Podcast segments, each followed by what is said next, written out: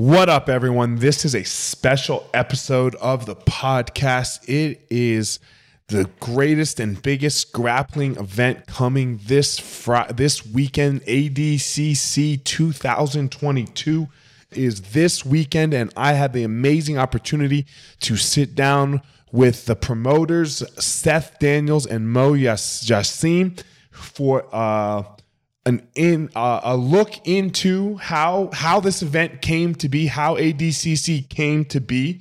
Um, from where it was, we and then we go through all of the brackets. What who you know Mo Mo gives his dark horses in each bracket, and then Seth gives who he thinks is going to win of each bracket. So I had a great time learning about uh, learning about it all. It, it was really great. So um, I hope you enjoy it. Special episode ADCC 2022. Here we go. What a weekend we have coming.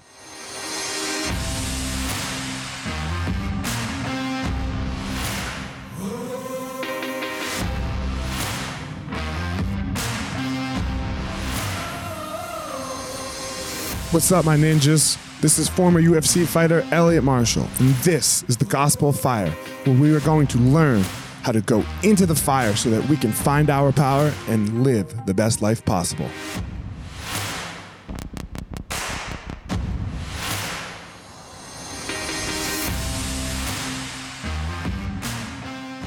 Mo, Seth, what's up, fellas? How you doing? Nothing much, man. Just mm-hmm. another glorious fucking Friday. Holy shit. What? We're Fucking a week away. A week away. Fuck me. A week away from the big event, guys. I'm I'm excited. Thank you so much for making me the come up off of Joe Rogan. Um, I, I do greatly appreciate that. I'm I'm the next level up for for at least someone in the world. Yeah, I'm just saying, you know, if I was gonna hook up with a a bald dude, I'd probably take Elliot. All right. You know? anyway, Yeah, guys, not? here here we are. We are a week away from what is going to be the biggest grappling event probably in the history of the world. Right? Uh, no question. no question right like no No no question um Yeah.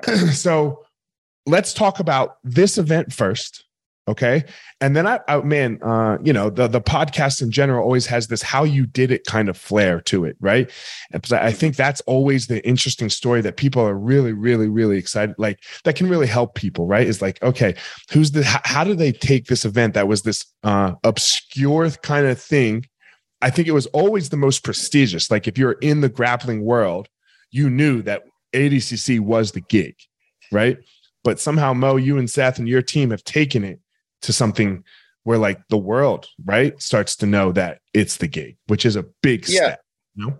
I mean, there was a pivotal moment. I'll start with 2019 for me at least. So, 2019, I did the West Coast trials. That was at Muscle Farm. I was talking to Seth back and forth for about two years, ever since ADCC 2017. Okay. but we had never met met um, one thing about me anyone that knows is i always tell them i don't want to meet anyone new in this sport so like i'm just you know they always disappoint me or they want something that doesn't align with what i want to do um, so seth was at the event i started speaking to him and you know quickly i picked up that he definitely knows what he's talking about the reality of 2019 is this we really didn't start working on that event till like May of 2019. So whatever we did in 2019, that was like four months of work. Um, and I just feel like none of us really gave it the hundred percent. This event, um, when I wanted, I announced that I wanted to do it again. You know, I spoke to Seth and the team, Sean, et cetera, and I'm like, I want to go hundred percent for this one, all out, uh, holding nothing back. So that's why I'm very excited. The world's going to see what we can do together um, at 100%. Look, I was I was super I- lucky enough to be part of that 2019 ADCC. Um, so thank you both to that. I, you know, I, I do really appreciate that opportunity. And that was the most that was the coolest grappling event that I've ever been to. The only thing that outdid that was the West Coast Trials this year, right? Like the West Coast Trials was off the hook, man.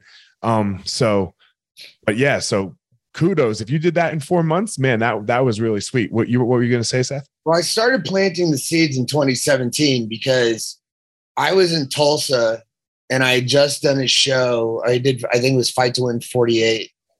And we stayed up like super late to watch Tom DeBlass compete against uh fuck some dude from Hibero.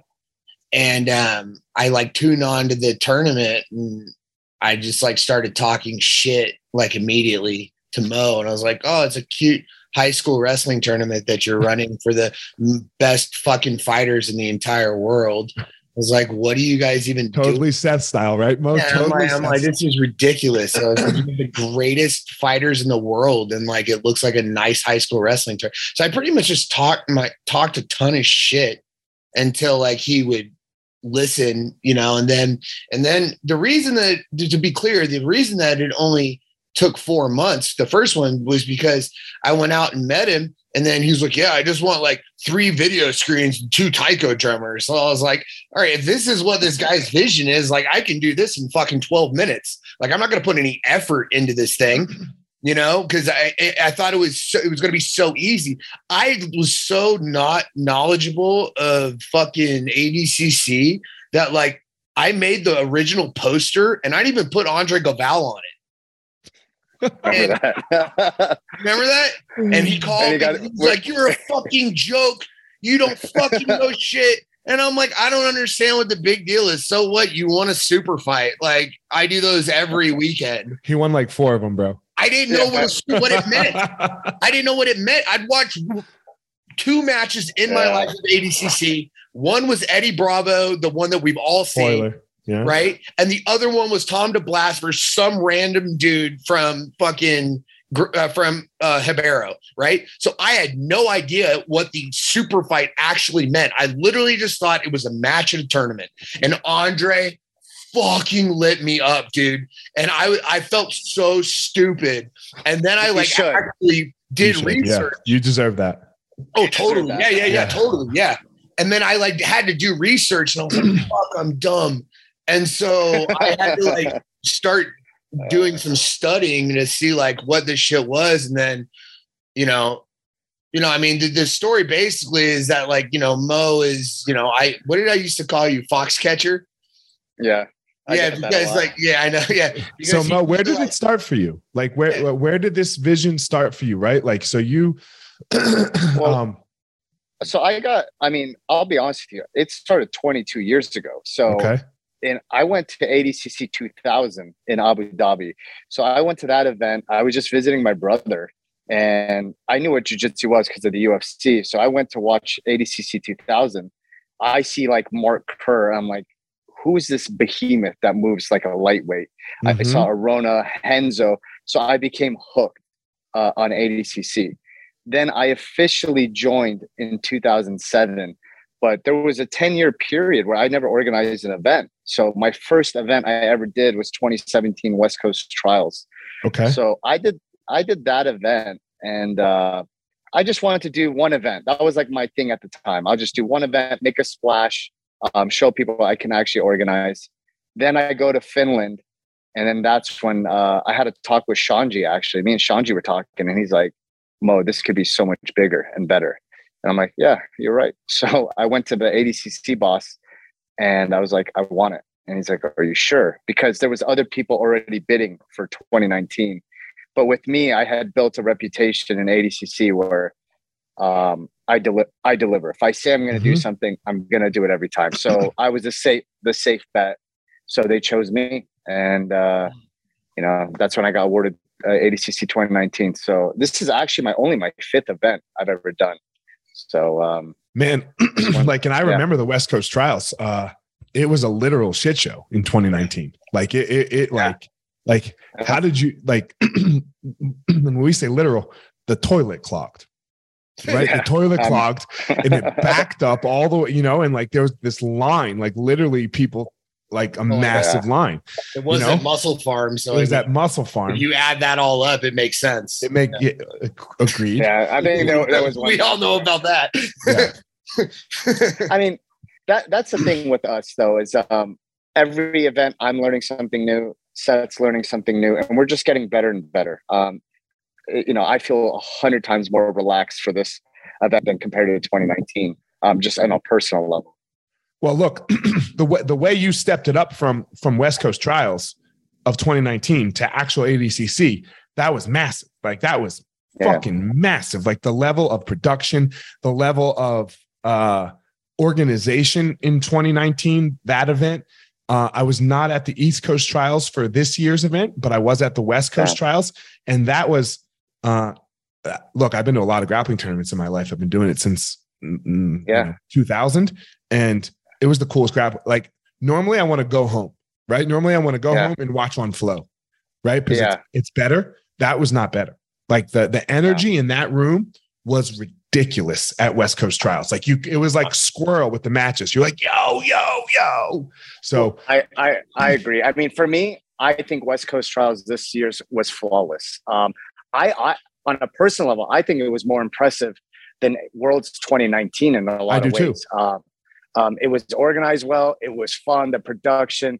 I mean, you can't really, unless you were there, which you were, you can't really describe the energy and the intensity. And mm-hmm. that's the difference with ADCC compared to a lot of other shows. It's fun. It's exciting. It's it's suspenseful, and uh, I think we do a good job of creating that environment. And uh, I think one of the main differences, you know, when I got involved in it, I knew that Mo, like I was saying earlier, I used to make fun of him and call him Foxcatcher all the time because it was like he was hanging out with all these like, you know, jujitsu people and, you know, helping him get fights and paying their shit. Cause he's, he's a, the thing with Mo, he's a super fan. You know, he, he's a super fan of, of grappling, probably more than anyone I've ever met in my life. And, um, you know i'm i'm really not even though it's my business you know i, I watch football and basketball and, and, and shit like that right? So like because you got a kid that's an athlete right? Yeah but i mean even if i didn't like i grew up my dream growing up was to play you know in the nfl and and sure. play in the nba the problem is i suck at sports so like it didn't work out for me. But um in 2017 the trials he put on i don't know people forget about this but there was like six super fights on that show that if that show was produced, it would have been. I mean, it, it buried Metamoris. Right. Uh, like it was like I mean, there was Buchecha and Lovato right after you. I think it was right after you fought Buchecha. Yes. Right oh, the the West Coast Super Show thing. Yes. Gordon yeah. and Leandro yeah. Lo, dude, that was ridiculous. Yeah. That was but, ridiculous. But, here, but here's yeah. the thing, right? It was like he had Le- Leandro Lo fight Gordon Ryan. He had Buchecha and Lovato. I want to say Cyborg Vinny. Geo. Yeah, Cyborg yeah. Vinny. Yes. Right, Cyborg right. Vinny. Huge matches, but nobody was, was, there. Nobody was there, and he was only charging ten dollars a ticket. And, and, so it was like, not only that, but it was like, sorry, Mo, if you don't want me to disclose your finances on that, but he lost like a quarter million fucking dollars doing, doing that show. Event. Yeah. yeah. And so I started finding out about he when we started talking and becoming friends, he started telling me, and I'm like, how in the fuck? Hold on, I gotta cut you for sex up. Hold on. So Mo, you're you were you funded that show personally? Yeah. You're so you're yeah. way in. You're like in yeah. it. You're not getting like, whoa, okay. Well, I mean, there there was two pivotal moments that were very big learning curves. That was one for me. This event, it was my first time organizing, and I'm like, I'm gonna come guns blazing and like make a statement. But I learned something very big on that show because I thought it was gonna sell. Tickets were five dollars. So five dollars to go watch that show in Anaheim, California. Seven to eight hundred people showed up. That's it. So that's when I was like, the power of marketing. I and this is a mistake all other organizers make. You can't do it all. Okay. I know what I'm good at and I know what I'm not good at. For example, when Seth came on board in 2019 for the Worlds, I told him, I'm like, ticket sales are going good. You know, it, it was going solid, but it could be better. So he comes in and the minute after he implemented some marketing plan, the average ticket sales went up by six x daily. So the the mistake of 2017 not selling, and then the fact that when Seth came did the marketing plan for 2019, we went up by six times daily sales. I'm like, I'm not a marketing guy, so that's why I just gave everything to Seth. So one thing I've learned is, you know, Seth's the production guy, so I just go, hey, this is my vision, and I just let him run with it and go, you know, and same with like Sean. Sean handles the logistics. So you just got to know what you're good at. If you think you can do everything, I think that's a very, very big mistake. That's a massive point, right? And I know that this is uh, a little away from a, just ADCC in general here, right? This is just an overall what you're speaking about there, right? Like what what is your role? Stay in that lane and then hire the best for everything else. So that that's how it has to go. Like you said, you're not a marketer. And then Sean, how Sean ran West Coast Trials, I've like, man, there wasn't a dead mat, there wasn't a nothing. It was it was boom, yeah. boom, boom, so smooth. It was amazing. Well, one so, of the thing, one of the one of the things also that I think a lot of jujitsu companies make huge mistakes of is that, and Mo was making the same mistake. He was going down the same route. Is that they don't run it like a business, you know? So it's explain like, that. Okay, so you, you got to have a P and L, right? You got to you got to have costs. You got you know what I mean, right? So you got to like you got to know like you can't run events and just be like, oh, I don't care how much money I lose, because then you're only going to be able to do one or two events. It doesn't matter. I mean, you can look at was it ABC or ACB? I forget the name of it. The Russian. Yeah, ACB. Yeah. It doesn't matter how much those guys had tons of money, but eventually, whoever's funding it is going to get tired of losing so much money, and then they're just not going to want to do it anymore. And when you don't have a, a, business mindset when you're running an event, it won't run like a business. It won't run efficiently. So it's like you got to, you know, make sure you have the right amount of staff and you got to make sure that, you know, you you're budgeted correctly and that the event is successful, even if it's just a break even, which is generally the goal with this. It was funny because you just said something like, oh, Mo, you, you did this by yourself. I think there's a large, a misunderstanding of how ADCC is actually paid for. Yeah. You know what I mean? No. Because I think a lot of people think that um, our our boss um, pays for everything. Hold on, let me let me. This is how I think it's paid for. So you tell me if I'm wrong. Uh, Mo, you call the sheikh. The sheikh writes you a no. has a blank check no. for you, and then not, you, not, right, and then you just have all this all. oil money from, from the sheikh. I, that's what most people think. Yeah, no, that's what I think, okay. right? Well, look, it's like jujitsu math, no. right? You have 200, you have 500 students. They they pay $200 a month. You make a million a year, right? Like, yeah. So explain. I'll, I would ex- love to hear. I'll explain how it works because people don't have they have no clue.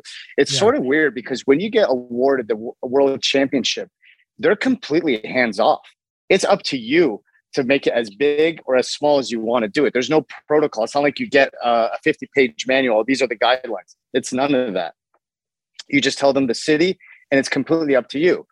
But um, all the costs that I have to cover, but I get to keep the revenue as well. Um, so it's up to me on how how hard we're going to go but there is no money that comes from uh, abu dhabi they do cover some of the costs you know for example they cover the flights which is a big cost as well um, so, but you know, when I'm paying the venue or paying vendors and stuff like that, it's coming uh, out of our pocket. Out of yours. Yeah. So it's uh, not. Look, but, I don't think anybody knows that. No one knows that. I, I'm in the scene. I know Seth, Mo, you and I have talked met a couple of times. Yeah. I thought you were just like, yeah, how hard is it to run? Oh, oh good, good no. for you, Mo. What do you have to make a phone call and get a, get another check? You know? Not at all. Not at all. Um, and you know, I think the smartest thing we did is people need to understand for 2019, me, Seth, Sean, the team, we made nothing. Okay. We broke even. And that was a success. So because and because of that, you know, a lot of times organizers will be like, let's cut the costs and maximize profits. I never wanted to do that. I was like, whatever money we get, we're going to put right into the show. So heavy on production and stuff like that. And because we did that in 2019, you know, that's why we're hitting these numbers for 2022. Mm-hmm. There's no question about that. I mean, we you started though. You started early. You started real early. Soon as as soon as 2019 was over, you were like, "Yo, wait until you see." Uh, I yeah. think the pandemic fucked yeah. right. 2021. Yeah. December. We started. We started. I went to Vegas to scout venues December 8th of 2019. Right. Mo was, I think yeah. you were in Puerto Rico or wherever. Yeah, yeah. Yeah. Yeah. And so I went and looked at Thomas and Mack, the Orleans, MGM, Mandalay, and we started trying to figure out a venue deal. And then we actually locked the venue in deal prior to the pandemic. And mm. like we literally like paid for it and all that. And then it was like, well, uh, shit, you know, like, what do we do now? You know, because we yeah, that's how that's how the whole world went. We yeah. thought it was in 2021, so right. we didn't have three years. We had we had two years, and we were we were just going. You know what I mean? Like right out of the gate. I mean, Man, the I biggest advantage we had, I mean, just to give you, if you want to hear crazy numbers. So for 2019, it took us all the way to the end, but we hit 4,000 uh, spectators. We sold tickets for this event 10 months out on Black Friday. In 45 minutes of ticket sales being open, we sold 5,000 tickets. So in less than an hour, we sold more tickets than we had in 2019. So we sold every single premium seat um, within the first day. So over 7,000 tickets. So it was mind boggling. I, I didn't expect that. Me, to be honest, me and Seth's targets, we were talking was, hey, if we can hit 800 to 1,000 for the whole day, They we're off to a good start. Yeah. We were, that was it. It was like we got to hit a thousand tickets on day one. We got to hit a thousand tickets on day one. And the like Bill was saying, all the money that goes in that, that we bring in goes into the event. Like when you walk in there, you're gonna see at, where every dollar is spent. Not only us, because we it, we've like pretty much, especially me, I've had to like liquidate all of my stuff. I had to cancel all my shows to cover finances because we don't actually get paid from the venue until 30 days after the event After. right? So Yeah. like that's why there's no fight to win shows because I can't afford to make venue deposits right now. Right. But Hanato, who created the book, the trading cards, all the apparel, he's got half a million dollars out of his own money on apparel right now too. So it's not just it's not just you know the two of us you know doing that. The, the Hanato's put a ton of money into this is this You is a big concept that I think, Yeah. uh, you know, that just in in general in business, and and I, I have one more question before uh, we go uh, into this year's event, but this is just a big thing in general in business is like that that people just don't understand. It's like, yo, look, if I risk a million dollars, let's say I risk a million or two million dollars doing something, let's say, how much should I get paid per year moving forward? Right? Like, is like is 50 grand good enough? Like, no, it's not fucking good enough. If you're risking two million out of your own money, like 50 grand a year, 100 grand a year, it's just not enough money. You don't need to risk two million dollars to go make a hundred grand a year. Like that's just stupid, right? That's just stupid. And when people are, are thinking in, in a business sense, and that's the hard part sometimes. It's like, yeah, man, look, I hope you guys make money.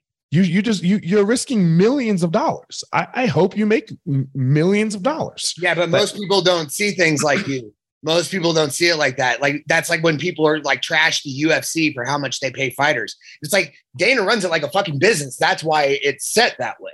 And I still think they could pay the fighters more, bro. No, I know, but still, there's a reason that they're still around.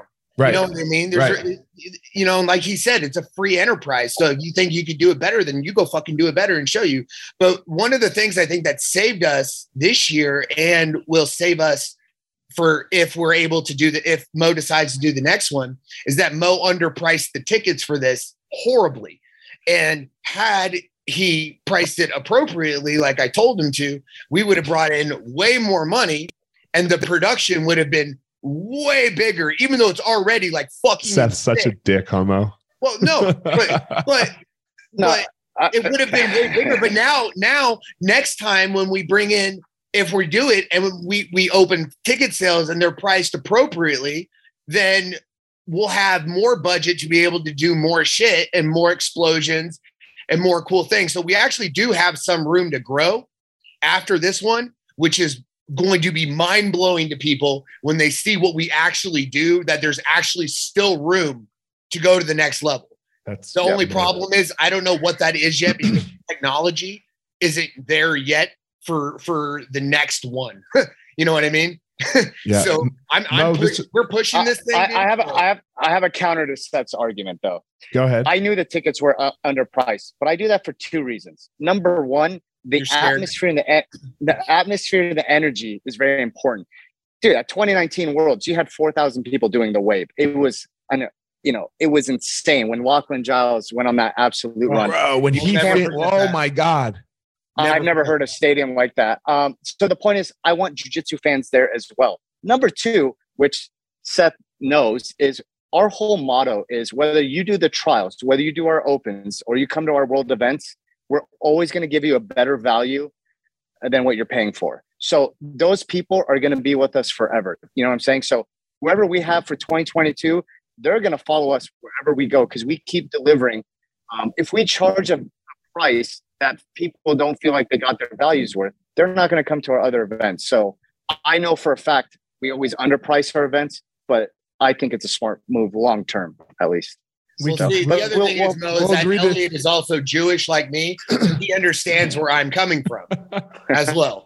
Right. So yeah, I'm sure he gets both sides. All right. Yeah. All right. Mo, here's my last question for you before we start talking about this year's events and this this year's roster. Um, uh-huh. What has it been like to become kind of a grappling superstar, like a, a star in the grappling world for you, right? Because uh, everybody wants everybody wants to yeah. impress Mo now right? Like, like everyone wants I mean, to like you know suck up to Mo and be with Mo because Mo can get you things. Yeah. Where uh, I don't I, I don't know if that was the case for you before. I, I don't think it was as much. Like um, I think think the stars uh, knew. I uh, yeah, I think it was uh, easier. I think I built this reputation of just being an angry guy now, so people don't ask me too much. Okay. Um, I'll be honest with you. There was a pivotal moment um, at 2019. I did some bracket reveal with Ricardo from Flow, I didn't want to do it because I was terrified to do interviews or anything. I public speaking is not my thing.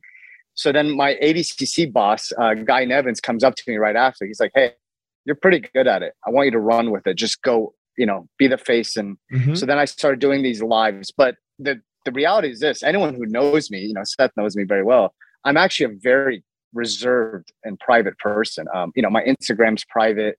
I just do it because people like it and it seems to be working. But um, you know day to day i'm actually very very reserved and shy person. I guess my question like so you have like everyone wants your attention now though right? Because you're the guy like so the guy that gets second or third at the trials is like mo mo mo mo hey mo mo mo right? Like so yeah. you have all of this attention now. What's that like for you on, on like a you know and and because like yeah i'm sure it's like I deserve in, man, and all this bullshit and all, you know, like what's that been like yeah. I mean, I get it. I mean, you know, when someone tries to argue with me, I mean, I know my shit when it comes to ADCC. Like, mm-hmm. I, am like a human encyclopedia. So um, I can defend any of my invites or brackets. but, uh, you know, I'm used to it ever since I've been doing the sport. You know, people, and I like to help people out uh, in general, by the way. So um, if they ask me something stupid, then I'm just going to definitely let them know it's a, it's a stupid request. But uh, it seems to be working. People, and the issue with ADCC, in my opinion, was it was very, uh, it's like sort of secretive. You don't know what's going on. So yeah. I started doing these lives and these interviews and podcasts to put a light, and I think that's what gets people engaged. Uh, but personally, it's not like something I love to do first. Got it. Yeah, it was very secretive. That that's a really great point. Like uh, even the rules like the rules were yeah. secretive. So like, how could you prepare for like all of a sudden somebody would you just get points? And you're like, for what? Yeah. You know, like no, you're you're 100 percent right. I mean, the rules used to be one paragraph. It is the most complex rule system in grappling. There's no mm-hmm. question. I I still have a hard time sometimes, and I have to I, I have to refresh. But um, but this time, you know, we filmed the DVD. Aurora, sorry, we filmed the DVD of the rules meeting. Um, made it like five pages long. So we definitely spruced it up and from being a paragraph. Nice. Yeah, it's what needs to be done, right? You know. Um, all right, let's get into it a little bit. What uh let's start let's let's start with the super oh no, hold on. This is where I want to start. What made you decide to let Gordon do a division?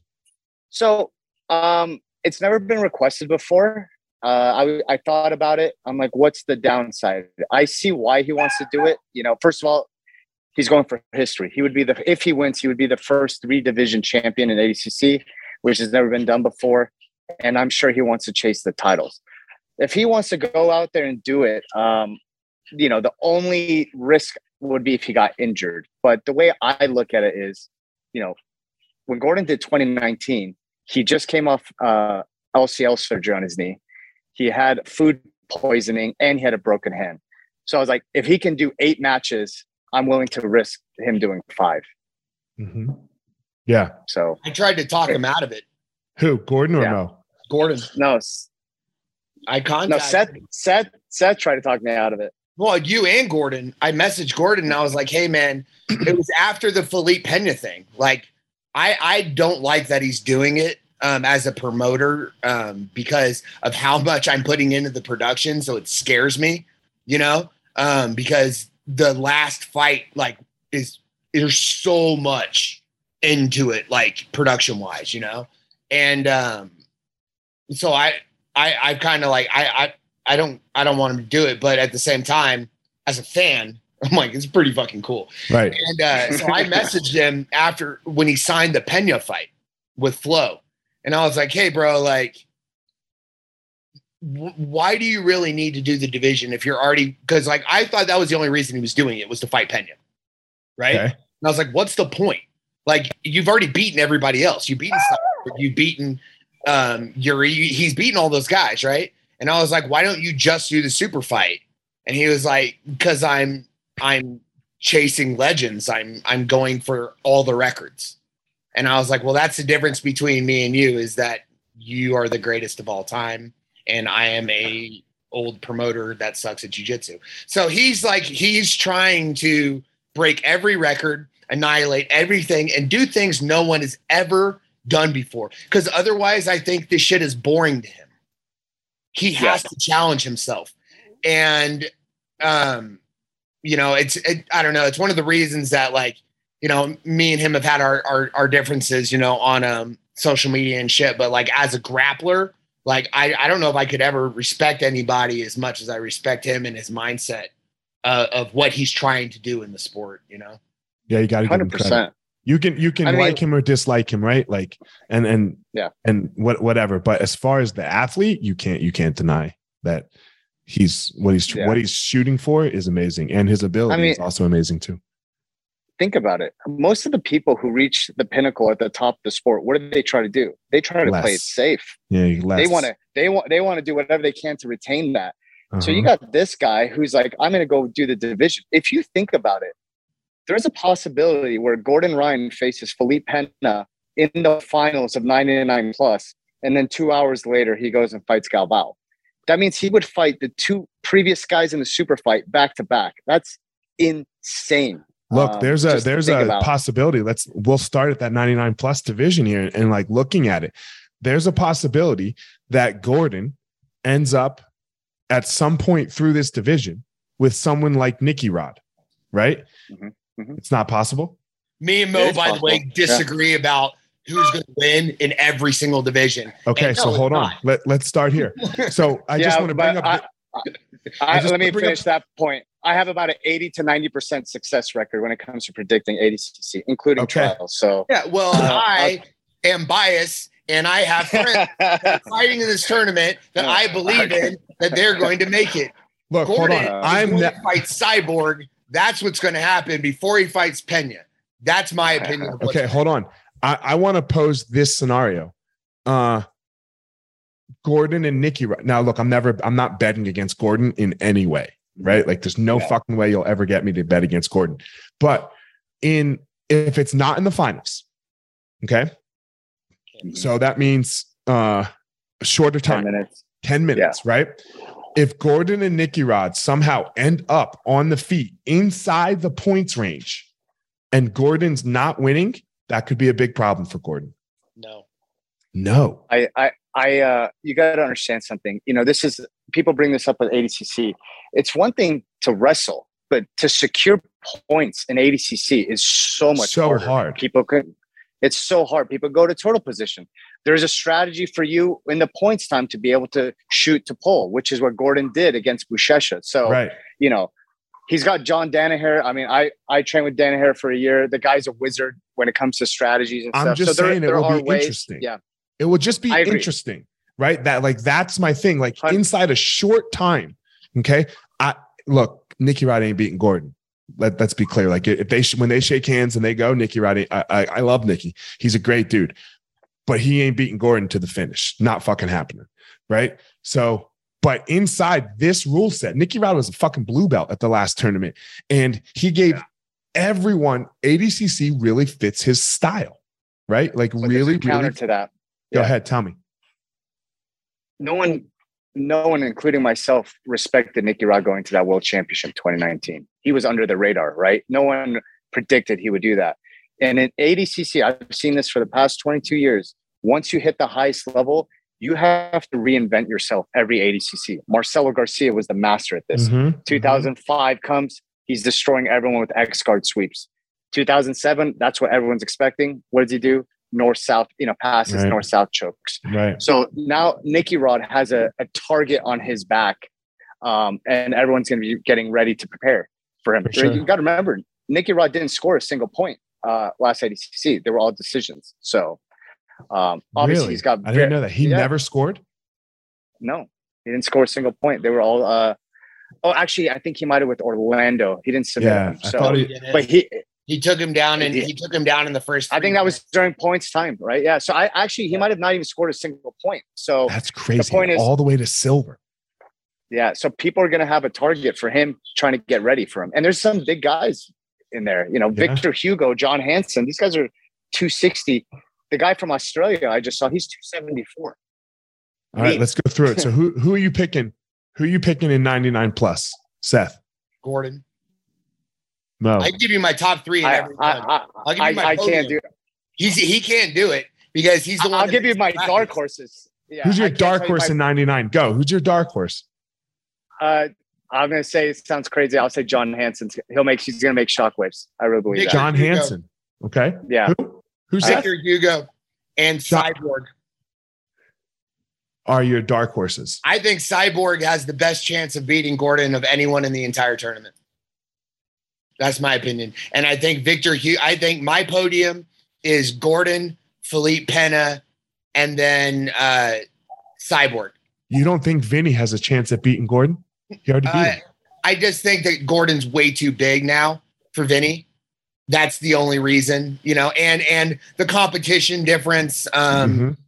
I don't. I mean, just Gordon is just so good, and he's so big, and he's so active. And Vinny has spent the past three years making a shit ton of money fighting MMA, and and I think that's one of the biggest things. Where's Vinny all these fought? I don't think Vinny's fought fought that much, has he? Yeah, he won the PFL tournament. Remember, he won a million No, dollars. didn't. He he lost did. the Sorry, finals. whatever. You know better than I do.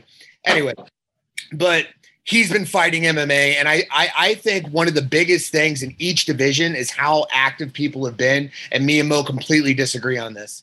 But I think Cyborg is the biggest challenge for for Gordon because of all the shit and the monkeys on his back right now, and all the hate that he's dealt with, and how I wonder how the anger that he's dealt with over the past two years pushed him in his training camp. Like we might see the next evolution of Cyborg at 40 years old, where he's just coming in to murder people. And I think he's going to be a big problem for everybody. All right. And I think Victor Hugo is being completely underlooked. 99. You know who else is? You Go know ahead. who else is being on? Uh, Joao Gabriel Rocha. So like people are not Same really thing, talking though. about him. He's a Yeah, fought in he's- three he- years. I know. So you, it's a big question mark. It's a question but he's mark. It, he's tough. He's He's, really. oh, he's very, huge. very good. Look, he gave Gordon all Gordon could handle when you know, and he was doing well with Gordon fine. before the knee hurt, Yeah. the knee injury. Um, all right, under Yeah. 99. So uh who's your dark horse Mo under 99? I, I I mean I saw him training this week. I was blown away, man. I'm just gonna say it out there, Marigali. Yeah, I was gonna say that. Yeah. Dude, Seth. I, he's really good. I had Kaynan first, second Yuri, third Marigali, and my dark horse in that division is Ardilla. You guys got no love for Craig Jones in this division? No.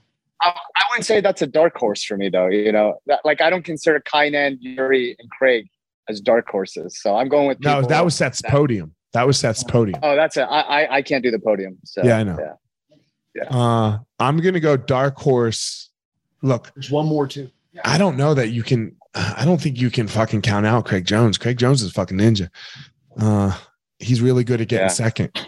Uh, He, he, is, he is really good. I could see Craig. I could see Craig winning the whole thing. mhm. The problem is the only reason that I, you know, am not picking Craig to get second like everybody else is, is just because he did pretty poorly against Pedro Marinho, and um, who was much smaller than him. And I feel like points wise, I feel like the size difference that he's going to have versus these guys is going to be too much What made him come up? Do you know why didn't he just do 88?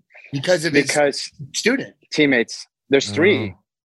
Because uh, it would have been J Rod, Isaac, and Craig in '88. So Isaac went and did minus 99 with the intent to swap them. So, which is what happened. Got it. Because you make them What would, what would you round. do if you're what, what would you do? Would you do what's best for you or would you do what's best for your students? Oh, for me, I'm my Yeah. student. Yeah, I mean that's I mean Craig. Yeah, but I'm not chasing greatness. Craig, Craig is Craig's still trying to chase greatness a little bit. That's true, but Craig also cares a lot about his team, dude. Like that True. dude's about his team, you know. I agree. and and you know I'm not the biggest Craig Jones fan in the world, um, just because like the antics and shit. But like game wise, dude, he's game as shit. Yeah, he, that dude, that he could get first place or or or he might get outpointed, you know. right, right. But I don't know that Marigali is like, who knows?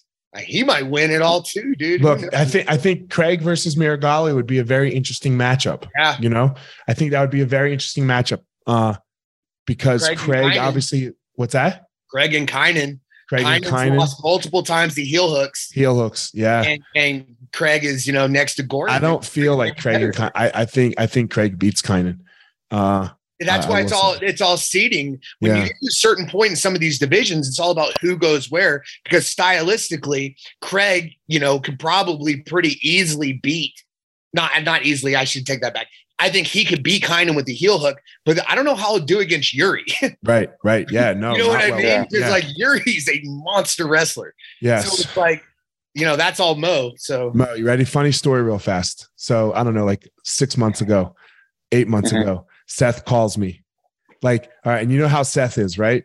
Seth is like when he wants to talk to you, he blows you up on every single platform, right? Like Yeah, I have exactly. Messages, I have missed phone Facebook. calls, I have missed Facebook calls, and I'm like, yo, shit, what the fuck's going on, right? And I call him, I, I you know, I get back to him, I'm like, yo, you okay? He goes, yeah. He goes, bro, you really need to do the trials this year because 99, no one's in it. No one's in it. You'll definitely get in and you won't get a 16 seed, right? You won't have to face a Yeah. former champion.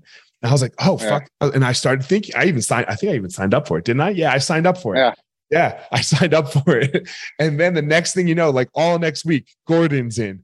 Uh, like the whole thing comes out. And I was like, yo, Seth, like, uh, no, you know. You you want to laugh? It's just the first time ever.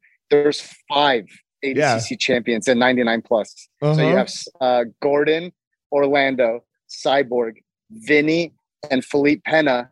and then you have Joao Gabriel as a silver medalist in Yeah. the absolute. So I six like, just yeah, none dude. of them were supposed to do that. no, none of them were in. Yeah, yeah, no, none, of them were in.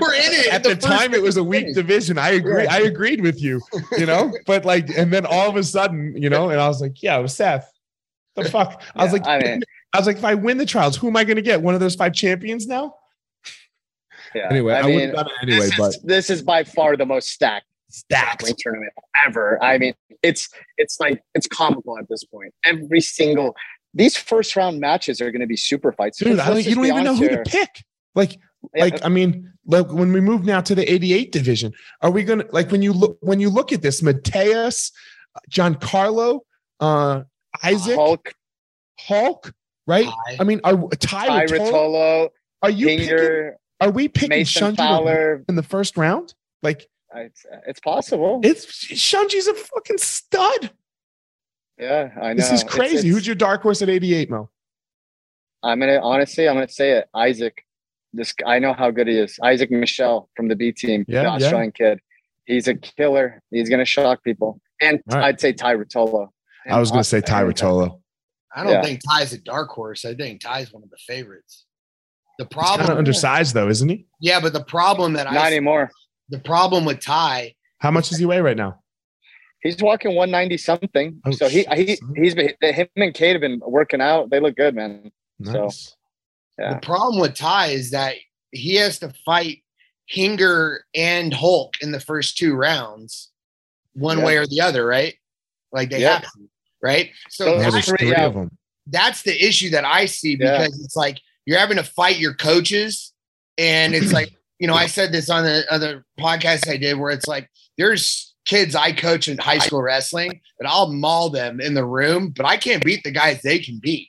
You know, so I feel like in '88, I feel like I don't know if Ty's going to get past Hulk, but I I think Ty's going to win the absolute. but I think Mason Fowler is going to win this division. I was going to say Mason Fowler. Uh, we got. We can't count out Mason Fowler Ma- Mason uh, is definitely one of my dark horses as well. I should say that. Um, I think Isaac's going to make a splash. I wouldn't be surprised if he medals, but I think Mason has. For me, there's three guys in that division that have a, a huge advantage. Number one's Diniz, um, Hulk, and Mason Fowler, and that's Tell based on their, physic- their physicality and their wrestling. Um, you know, all very explosive, strong guys, and they have the wrestling advantage. Uh, we'll see if that's enough.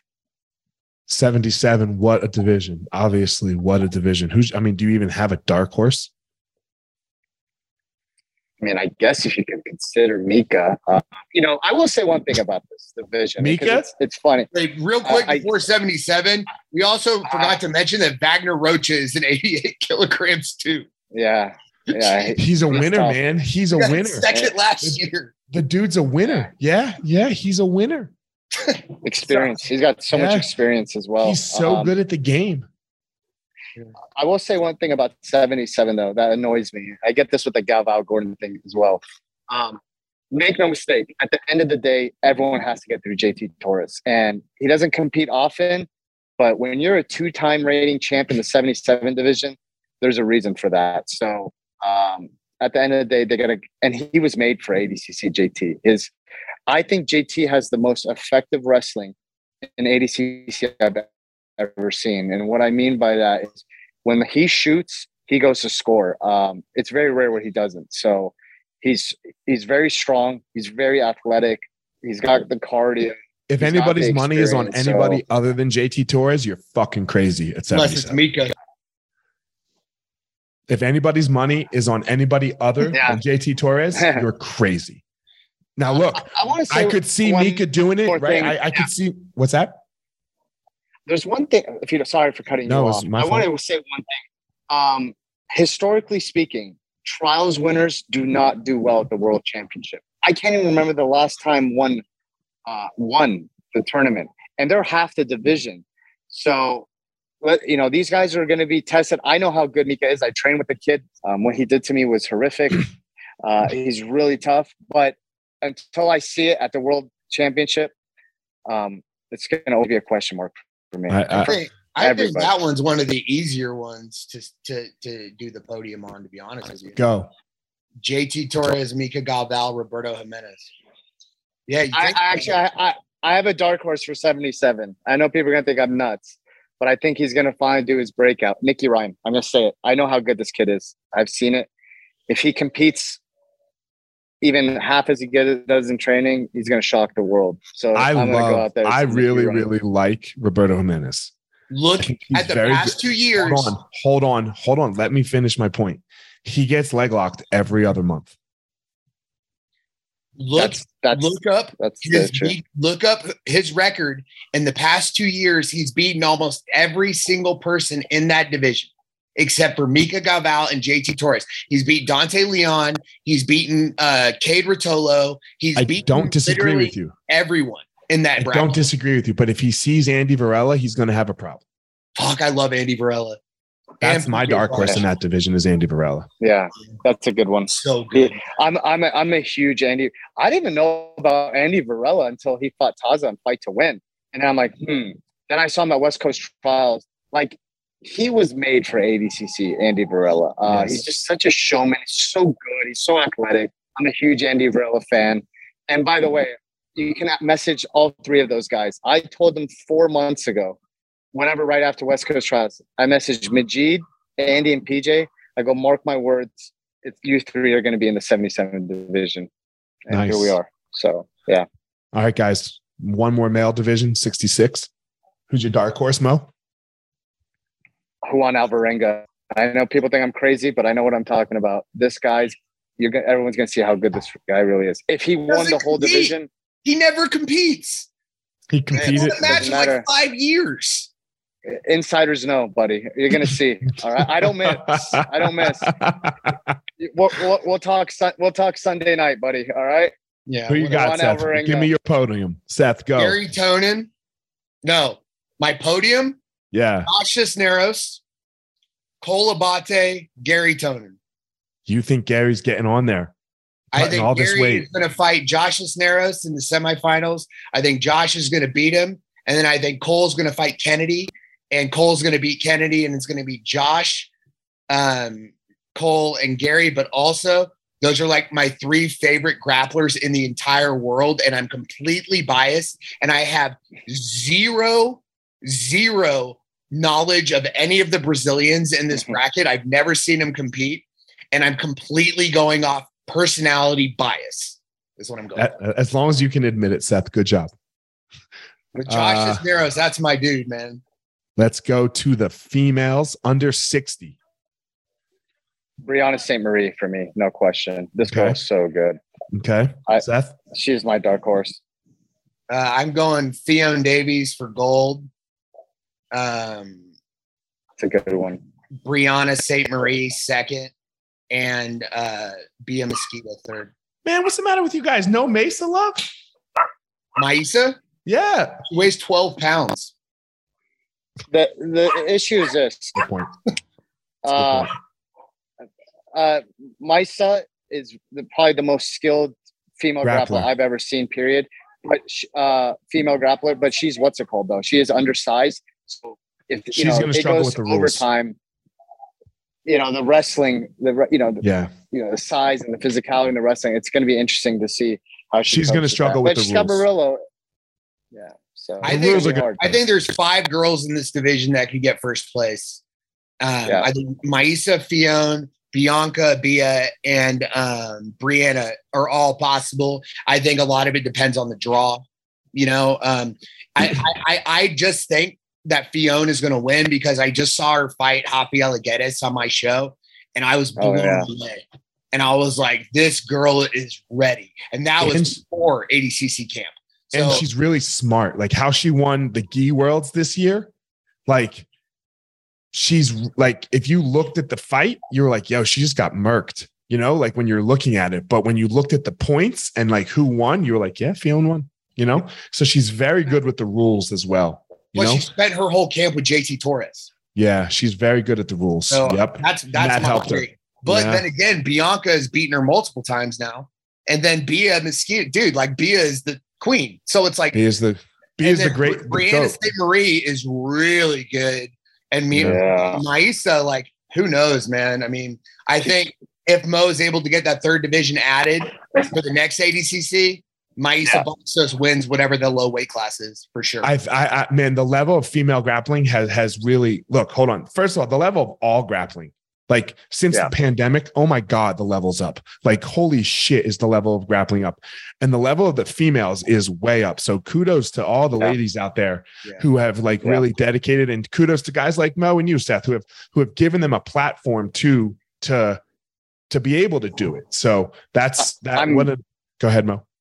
I'm very confident we'll get a third women's division for the next one. And if that if uh, that gets decided, we would redraw the the weight classes. It would probably be either 50 or 55 is the lightest, and Right. I'd probably do 65 or something. But uh, there's enough. There's definitely enough talent right now to fill three women's division easily. I agree. All right. Last division before we talk about the super fight. Uh over 60 for the women. Dark horse Mo. I mean, I don't know if that counts, but ooh. I think Amy Campbell will make a, a good performance. But I mean, dark horse, I would have to say Rafaela or Kendall. Uh, shit, I'll say Rafaela. Seth, what's your podium? Um, it all of it depends on the seating. Yeah. in this one because you got Rafaela beats Kendall, Kendall beats Amy Campo, Elizabeth Clay um, beats Kendall. So it's like a weird. It all. I think a lot of it depends on how it's seated, but I think Gabby wins. Um, I think it goes Gabby, Rafaela Guedes, and then Kendall. But it all depends on what happens with Elizabeth Clay and Amy Campo. But I could also see it being Rafaela Guedes first, Gabby two, and Elizabeth Clay three. Or- so Could be a lot of ways. yeah, It could be a lot I, I just it's like how you said you'd be stupid to bet against JT Torres, you'd be stupid to bet against Gordon Ryan. You wouldn't be stupid to bet against Gabby it just with Happy Alligators, in my opinion.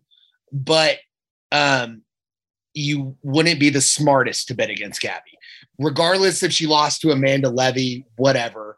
Did That Amanda was Levy try to get in? She was injured. Amanda. Oh, guess what? You know she's in the opens, right, Seth? She signed up. Who? Really? Amanda Levy's in our open. Or yeah, Oh, I had no idea.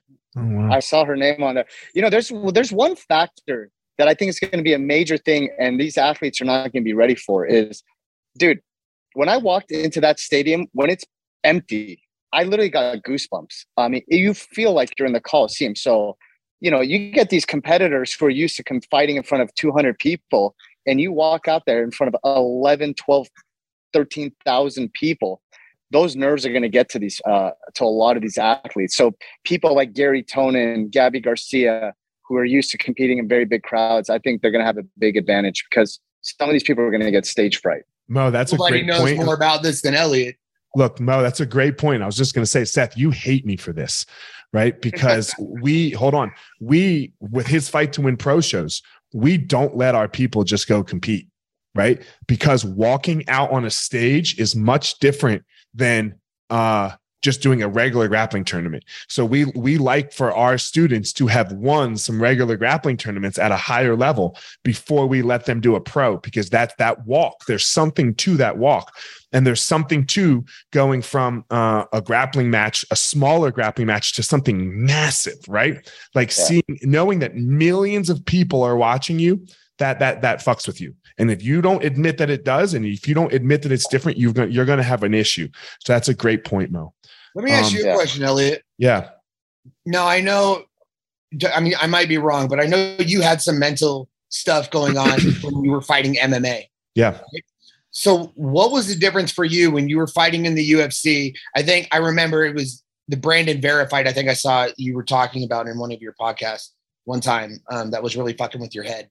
Um, versus when you fought in ADCC. So, like, what was what was the differences for you? Was I mean, I know you had a lot of personal growth in that ten years, but like, what was the difference for you fighting in the UFC and then fighting, you know, at, at ADCC in 2019? Look, for me, it was my whole identity was riding on the UFC and being a fighter. Uh, e- everything about me and and the reason for my existence uh, in the world was about fighting and becoming uh, the champion because I had attached from a very young age being able to beat somebody up with somebody liking me, somebody like being my friend. And like, so I was like, oh, wow, okay. So this is how you do it. This is because for most of my childhood, nobody liked me. So I was like, oh, okay, this is how you do it. Great. Okay. And then I, so then I just marched that out. So Elliot's existence in the world attached to winning fights. I have my issues, my mental struggles, and and and, and some growth. And uh, come ADCC, look, I was super grateful for you guys to to allow me to do it in 2019 because it was the only thing that I it was the only grappling event that I was it was the only major event in martial arts on the grappling end that I didn't get to do. Um, I got second three times at the trials. So I remember you, Elliot, way back. I, I think Way it was back. 2007. 2007, I think you did three, Coast 2003 was the first year I tried. but you did seven as well, correct? I did five, I did seven. Yeah. And, you know, and I Okay, because I second. remember, I remember you. I was like, this guy's big. He's tough. So Yeah. uh, I remember it was the East Coast Trials. So you've Yep. been, you're, you're a true OG, man. You've been around. I was In around for a while. 2005, Elliot was refing one of my matches when I was a white belt. Yeah. And it was like, I think, because weren't you one of the first Americans to win pans and Yeah. like multiple belts? Yeah. I was the first like all the color belts, right? Yeah. And I remember being nervous as shit because Elliot Marshall was wrapping my match. But I, I've had a great life, but for, for me, that was the difference. Like my existence wasn't about this. So if when I to answer your question, Seth, uh, for me, ADCC 2019. Look, I was 39 years old, almost 40. Uh, I wasn't training full time anymore. There was nothing about me that was a full time competitor, but it was very, it's very, it was very important for me to show my children that when when when when you get a call, you make the walk, right? Yeah. And to show my students when you get a call, you make the walk. Warriors go to war, and, and fighters fight. So that was the important piece for me. Like I, I had no uh, delusions of grandeur that I was, you know, beating Yuri Simoes really, or you know, like I, I gave it my all, you know. But you know, fighters Fighters go die on their shield. You, you know, that's interesting you mentioned that because, like, my bosses in ADCC, they never get involved in anything, but there's certain things they always look for. And this is why um, I get very frustrated with some of these athletes. Um, we they want people who are dying to be there. Um, you know, I person I don't care if someone wins or loses. Someone's got to lose uh, the first round, right? Fifty percent mm-hmm. have to go. But my thing is just go out there and give it hundred percent. So anyone I feel like an athlete's half-assing something or even like invites, um, it just really irks me and it irks my bosses off. Like there's thousands of people dying to be in this position. So whoever gets in, they got to take it very seriously. Um, and if they don't, you know, they, they don't come back. One of the main stories of this ADCC is kind of the changing of the guard, right?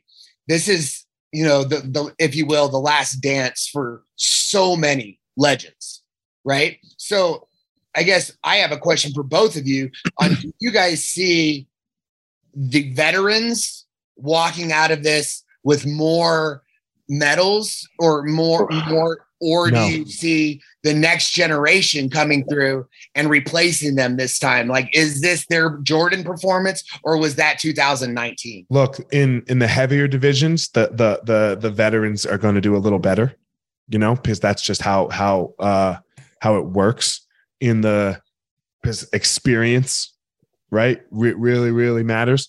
In the lighter divisions it's not going to be the veterans, in my opinion, because uh, speed, skill, athleticism is what is more important in in lighter divisions. That's why you see. That's why, like Jose Aldo, for example, even though I know he just lost his last fight, that's why he's to watch him lose. I hate watching. Yeah, but it's such an anomaly, right? He's yeah. such an anomaly because he got so far again when it looked like his time was over in a lighter weight class where speed and timing matter right? You know, at, at, in athletic sport, in, in physical combat like this.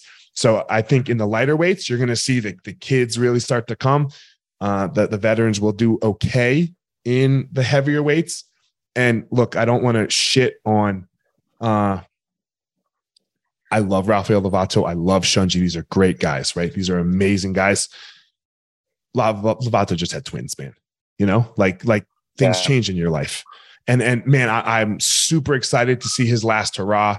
It's amazing. I, I literally think he's the greatest American grappler ever, above Gordon.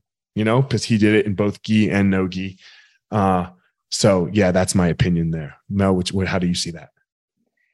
Yeah, I'd say overall. By the way, it's a very good assessment. I agree with you in the lighter weights. You know, like I think Abate, Fabricio Andrey, Baby Shark, these guys are going to they're going to make statements. Um, so I, I, I agree with you 100%. Normally, in previous ADCs, I'd side with the veterans, but I'm going to go and say that this one, I think the younger generation will edge the veterans out um, by a small margin. To be honest, the game moved, guys, since the pandemic. The game is yeah. so much better since the pandemic. Like even being out at Masters Worlds last last week, uh, Masters one is a ridiculously hard division to win. I don't care what belt you're in; it's a ridiculous to hard division to win. So, uh, I got one more for you, Elliot. Go. And then you can talk about Gordon and Andre. Okay. So, one of the things that I think is interesting about ADCC, even IBJJF, which I can't believe those words just came out of my mouth, that I find this interesting.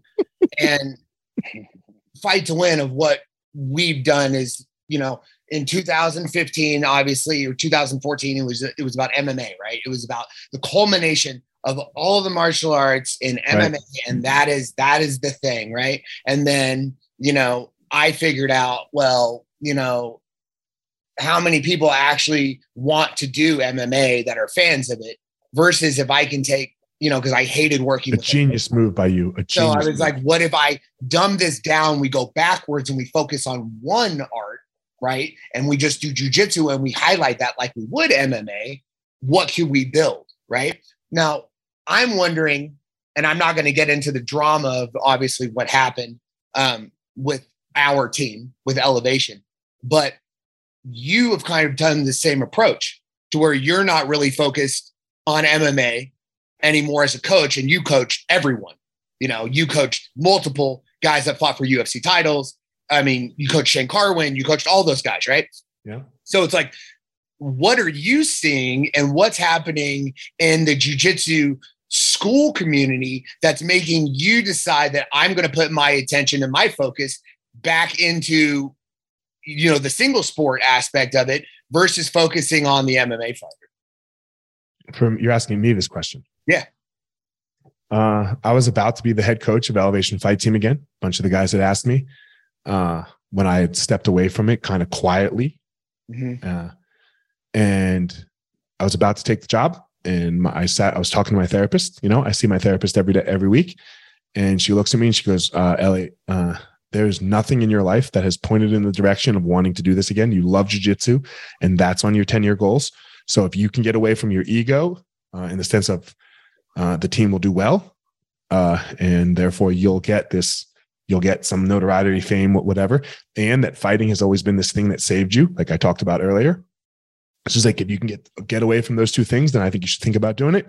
And if you can't get away from those two things, I think you should really consider not doing it. So we sat there for three minutes. Nobody said a word. And I said, You're fucking right. So uh, yeah, I went in two days later and kicked all the MMA fighters out of the school. You've always been Elliot, even when me and you weren't like super tight back when uh-huh. you were an MMA fighter and we were on separate teams, you know, because I had my squad, you had your right. squad. I've always respected you so much, even though my ex-wife had a huge crush on you and would talk about it all the time, right? she's like, "How are you both Jewish?" And he's so much better looking than you. I was like, "Whatever." But, um, you know, I've always just respected your openness about you know your mental challenges and and like even going through therapy and stuff like that. It's not something that people talk about on a regular basis. Um, you know about the mental struggles of this and how hard it can possibly be. So I've just wanted to know these answers for a while, you know, from, from you. Just and everyone I'm, thinks I, am a fan of yours, you know, and so I appreciate just, it. Thanks for being open to answering those questions and not telling me just to go fuck myself. No, I'll I'll talk about anything really. Like it's, it's it's it's about vision, right? Like Mo talked about vision for for ADCC, and I had a vision for where I wanted my life to go, and they weren't matching up with MMA you know and then you know some of the, some of the particulars and the and the difficulties of running an MMA team when it's not focused on like only your school right? Like if, if I was the only boss but that wasn't the case and it was just way too much of a headache for me and I got nothing out of it. Where like grappling and jiu-jitsu is really gives me a lot. Like I have these students that I fucking love. Like I've been sick this whole week and I haven't been able to go teach and man that has eaten me up. Like it eats me up that I didn't go to my class. Like I'm I'm really upset. Uh so that's your answer. And I was, and so I, I love jujitsu and I love, man, I was super stoked when you hit me up, Seth. I was like, I don't even understand why Mo wants to do this.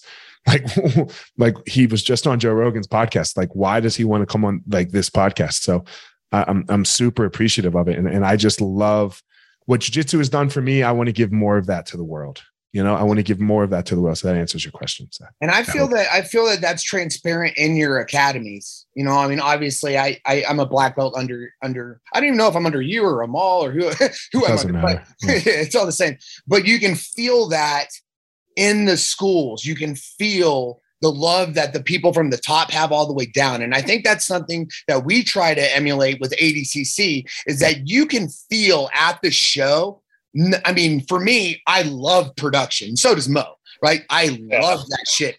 The fighting stuff, it could be anything for me. It could be two dudes slapping each other in the face. I would still love doing it because I'm a production guy, right? But all the way down from the fighting to the lights to the sound to the video, you feel it when you're in there. It's a vibe that we create, and it's based on our love for what we're doing. You know, that's why that's why I love West Coast Trials yeah. That's because West Coast Trials felt like it was such a massive come up for uh for jiu-jitsu and it it brought the level up. So I mean the problem is now when we do the next one, we're gonna have to go to a stadium. Like yeah. that's it. No more no more hotel. We're gonna have to go. We did try. I mean, Seto's just gonna try to pack it. Ah, we got more space, but we're gonna like legit have to go to smaller stadiums. I agree with you, Seth. Um, I agree with you. I agree with you. We got more space. So. No, we tried, dude. We tried, but the problem was booking venues on the West Coast in 2021 was virtually impossible. Mm-hmm. So it was oh like God. the California venues still had COVID restrictions when the rest of the world or rest of America was open. But Right. we had to do it on the West Coast because it's the West Coast trials. There was a point where we were talking about the West Coast trials were going to be in Dallas, Texas. I'm not kidding because Yeah. we couldn't do a show in California. Sure. We couldn't find a venue in California. That's how we ended up in Vegas. We Yeah. went every single venue in South in in Southern California, and nobody Nobody would do it. let us book it. No one. You Guys. because the forum was booked. And, you know, it just it was tough. guys i appreciate you coming on you know i, I appreciate uh, the opportunity to talk i hope uh, i hope everyone enjoyed uh, this We got to do Um, Gordon Galvao still, dude. Oh shit i mean look if it uh yeah there's i ain't picking against gordon get the fuck out of here Three. I'll just talk about the Gordon in match. overtime. um, you know, the thing is like, uh, you know, obviously Gordon's Gordon, but you know, make no mistake, Andre Galvao knows those rules better than some of our judges. So he knows the ADCC rules better than anyone we've ever seen. That's the consensus amongst staff. And let's just be honest here. He's won the super fight four times. And I think his mo and he's dominated every single one. He's none of them been close, including him beating Pena. So and I think he's got the wrestling advantage on Gordon. Um, the issue is if Gordon gets if Gordon gets on top of him, that's not going to be good. That's Yeah. it's it's not. He uh, Pena has a more dynamic guard, I feel, than uh, Galvao. So if Gordon gets Galvao's on going to give his back and then that's going to be if gordon gets on top that's what Galvao's going to give his back and then that's going to be a big problem I think I think But- it's going to happen just like Pena and Gordon. Not not like he's going to quit. What I think is going to happen is it's going to go to overtime. They're going to get in a wrestling exchange, and Andre's going to go for something, and Gordon's going to counter wrestle him. They're going to go to the ground. Gordon's going to get his back, and he's going to beat him with how many points you get for putting your hooks in. I don't know what the no he's going to finish him but I don't think he's going to finish him. I don't think you can finish Galvao unless you literally pop the bone out of the skin or put him to sleep. i think He's he'll put him not going to tap. i think he'll put him to sleep Yeah, I mean, I think it's the, it's the only way because that the guy is a fucking warrior and he's got the heart of a champion. i agree And- basically Yeah. i think i think age age age is not helping him here I know, but at the same time, I think it's ridiculous that a lot of people are dismissing what Andre's accomplished and what he's capable of. And and the fact that he even has the balls when he has no he has no reason to take this match. He really doesn't. He could have retired easily the last time and been done. yes Like he's doing it because it, he's Andre. yes. And it's a He's a challenge. And it is the toughest challenge he could possibly have. So, like you said, the, he's the, like it says behind you, he's the man in the arena, you know? Yep. The, the gladiator fucking fights for the arena. And and regardless win or lose, he's gonna go out there and he's gonna give everything that he possibly can. And I think a lot of people are way too dismissive of Andre Galvao. I I agree, agree. hundred percent. Yeah, I mean, All right, I just want to see the match. So yeah no it's going to be amazing it's going to be That's all I amazing Yeah, yeah, awesome. Guys great talk. I appreciate it. Thanks for coming on. You guys uh i appreciate uh i know you guys are super busy. We got one week motherfuckers. We got one week to the greatest grappling event in the world ever in the history of the world. Yep. mo thank you so much for doing all this. Seth thank you so much for doing this. No problem. because i right, hope you. everything the same on this podcast. Um look mo and seth have their own unique power that thing that makes them amazing in the world and i have my unique thing that makes me amazing in the world. Don't go out in the world and try to be mo and seth don't go out in the world and try to be me everybody go out there and find your own power all right, everyone. Thanks for listening to this episode of The Gospel of Fire. If you enjoyed the episode, I'd love a review on iTunes or wherever you are listening to this podcast. Don't forget to follow me on social media at Fire Marshal 205. If you are a BJJ enthusiast, check out my YouTube channel. I put all kinds of instructional DVD uh, videos out on there, so go check it out. My book is still out on Amazon by the same name as the podcast, The- Gospel of Fire.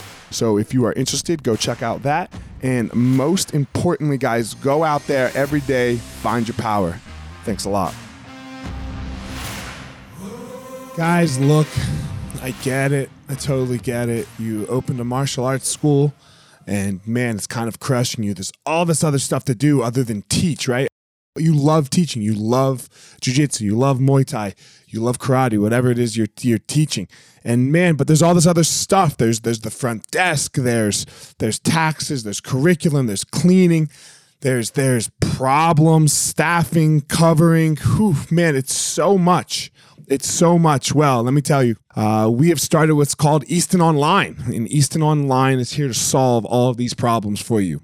Easton Online is a digital academy for martial arts school owners and managers. Will help you establish or enhance your business with best practices. Most importantly, we're going to help you get back to what it is that you love most teaching and doing martial arts. Okay, so for more information, guys, go to easton.online. Again, that's easton.online. Add your email. You're going to get notified about the course launches. Our first course is going to be all about the first impression specialists, your front desk, and all kinds of stuff, special offers, promotions, as well as we started a podcast by the same name, Easton Online, that's gonna talk about our process of how how we went from a tiny little martial arts school to what is now seven martial arts schools, seven Brazilian Jiu Jitsu Muay Thai schools, um, in a very holistic way that we believe um, kept the integrity of the art and also deals with its people very well. So again, Easton.online, enter your email and you're gonna get all you're gonna get everything you need right there. So thanks, guys.